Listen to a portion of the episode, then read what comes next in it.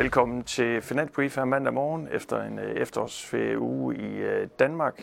Og altså en uge, der også var øh, rød på finansmarkederne for aktierne. Aktierne hele vejen rundt faldt en 2-3 procent, og det var jo især på højere renter.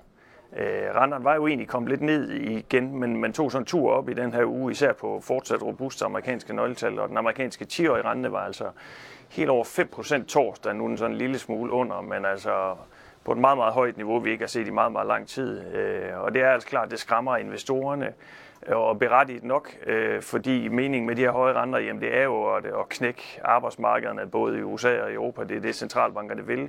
Og det er også derfor, vi forventer jo en, en økonomisk nedgang. Og det er det, investorerne er, er bange for. Spørgsmålet er, hvornår læsset det, det, det tipper. Øh, indtil videre, kan man sige, så træder vi lidt vandet og har den her overordnede anbefaling om neutral risiko i porteføljen, men på et eller andet tidspunkt, så får vi mere udbredte dårlige nøgletal. Det, det er klart vores vurdering. Øh, og det er altså det, investorerne er lidt bekymrede for her, men, men vi er stadigvæk i sådan en mellemfase, hvor det kan skifte lidt fra, fra uge til uge. Men altså, europæiske aktier på det laveste niveau siden marts, og amerikanske aktier på det laveste niveau siden juni, og kun med marginale stigninger tilbage for året for europæiske aktier. Så der, så der er sket noget over de seneste måneder. Ellers i den her uge, jamen, så er der fokus på Europa, især der er PMI-tal tirsdag, de her tillidsindikatorer, øh, øh, som jo ligger på et lavt niveau, og som vi forventer bliver ved med at ligge på et lavt, et lavt niveau i, øh, i øh, oktober her.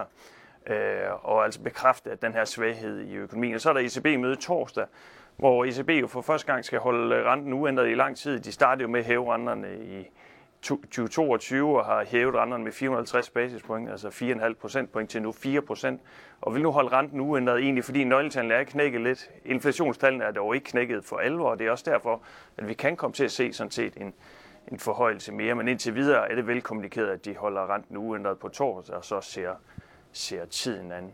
Så det er det, der er fokus på i den her uge, altså de europæiske tal her tirsdag, og så også ECB med torsdag. Det er jo egentlig primært de robuste amerikanske tal, der har holder renterne op, så det er ikke sikkert, at vi får et stort markedsskifte i den her uge øh, på, på de europæiske nyheder her, som altså ikke spiller hovedrollen i øjeblikket. Og ellers så er der en masse øh, regnskaber fra, fra øh, aktieselskaberne, både i Europa og USA, som også er værd at holde øje med i den her USA-historie. Nogle af de store øh, tech-kanoner kommer på banen øh, i den her uge, så det bliver spændende at se, hvordan, hvordan de tal også ser ud. I dag her mandag morgen jamen, ser det ud som om, at markederne starter nogenlunde øh, neutralt ud, og altså stadigvæk med den her bekymring for de høje renter, men dog ja, neutralt og ikke i rødt, som, som ugen sluttede af i sidste uge. Ja, have en fortsat god uge.